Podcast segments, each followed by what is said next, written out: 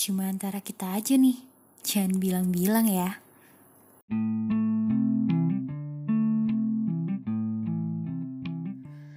Hmm, unik deh. Jadi belakangan ini gue sering banget entah kenapa nonton series yang ada adegan di mana dialognya seputaran nasihat untuk jadi orang baik. Kayak pas gue nonton Prison Playbook, ada kalimat yang bilang, seandainya kita cuma bisa hidup sekali, pilihlah hidup jadi orang baik.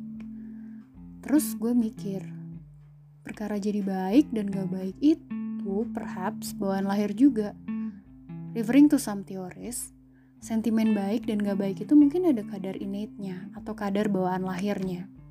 Ini ya, kayak ada orang-orang yang percaya, dipercaya born to be criminal, born to be rude, born to be people pleaser, dan sebagainya. Jadi kasarnya ketika ada orang yang susah banget buat jadi baik, susah ya, dalam artian ini mereka sebenarnya bisa. Tapi ketika mereka mencoba jadi baik, they need more efforts. Sementara di sisi lain juga ada orang yang susah banget buat jadi nggak baik. Sampai mungkin orang-orang kayak gini bakal sering banget dapat kalimat dari orang lain, you deserve better. Kayak saking baiknya orang-orang bakal banyak mempertanyakan kok lu bisa sih sebaik ini, bahkan sama orang yang udah jahatin lo. Yang dia sendiri juga bingung jawabnya. Karena ya udah bawaan aja gitu.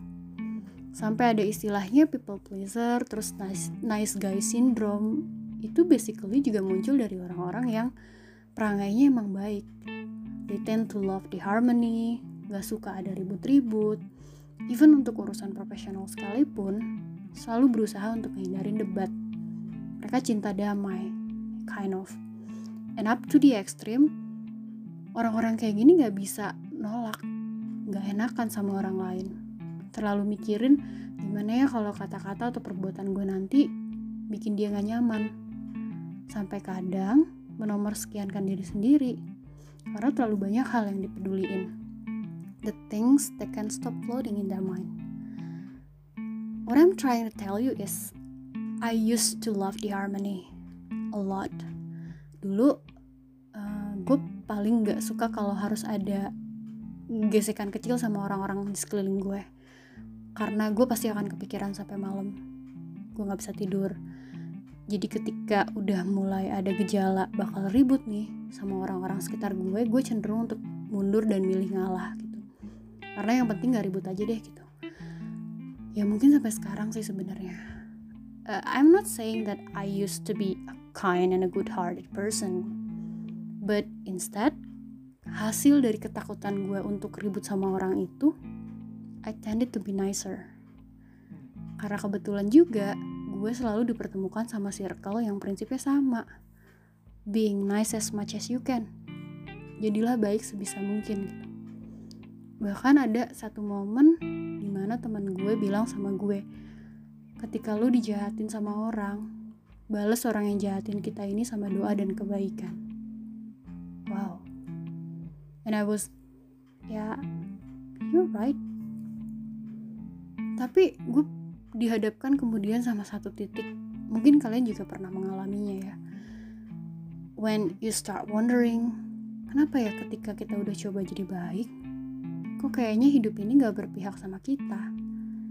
Jadi baik malah ditusuk dari belakang jadi baik malah diselingkuhin jadi baik malah dibodoh-bodohin ditipu jadi baik malah capek sendiri and to be brutally honest at that point gue berpikir apa mending gue coba jadi less care, less nice, more ignorant aja kali ya.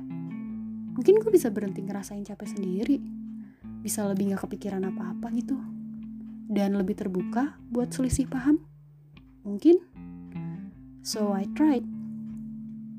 Mulai dari kalau ada yang minta tolong, gak semuanya gue iyahin.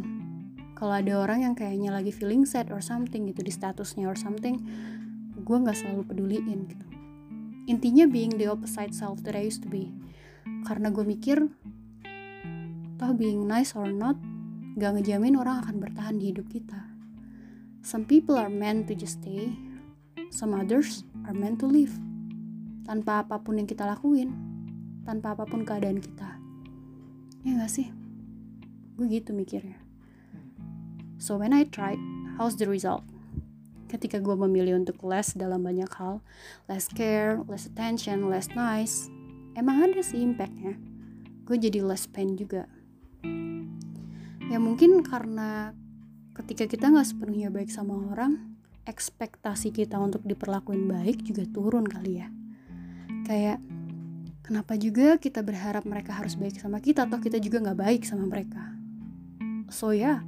In result I got less pain and I feel okay. Because the truth is it's not that bad being bad. But then perasaan itu selalu aja berhenti ketika gue ngeliat atau ketemu orang-orang yang emang baik aja bawaannya without efforts kalian tahu kan vibesnya orang yang emang nice gitu. Enak banget beda hawanya. Lebih adem dan lebih nyaman kalau ngobrol atau ketemu sama mereka. Nggak berarti mereka nggak pernah ribut ya dalam hidupnya. Cuman emang nggak pernah mereka munculkan di permukaan aja gitu.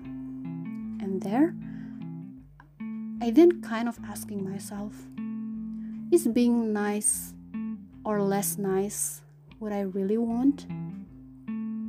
Or being less in pain. Sebenarnya mana sih yang gue cari tuh mengurangi kadar kebaikan atau keramahan gue sama orang atau mengurangi rasa sakit gue gitu?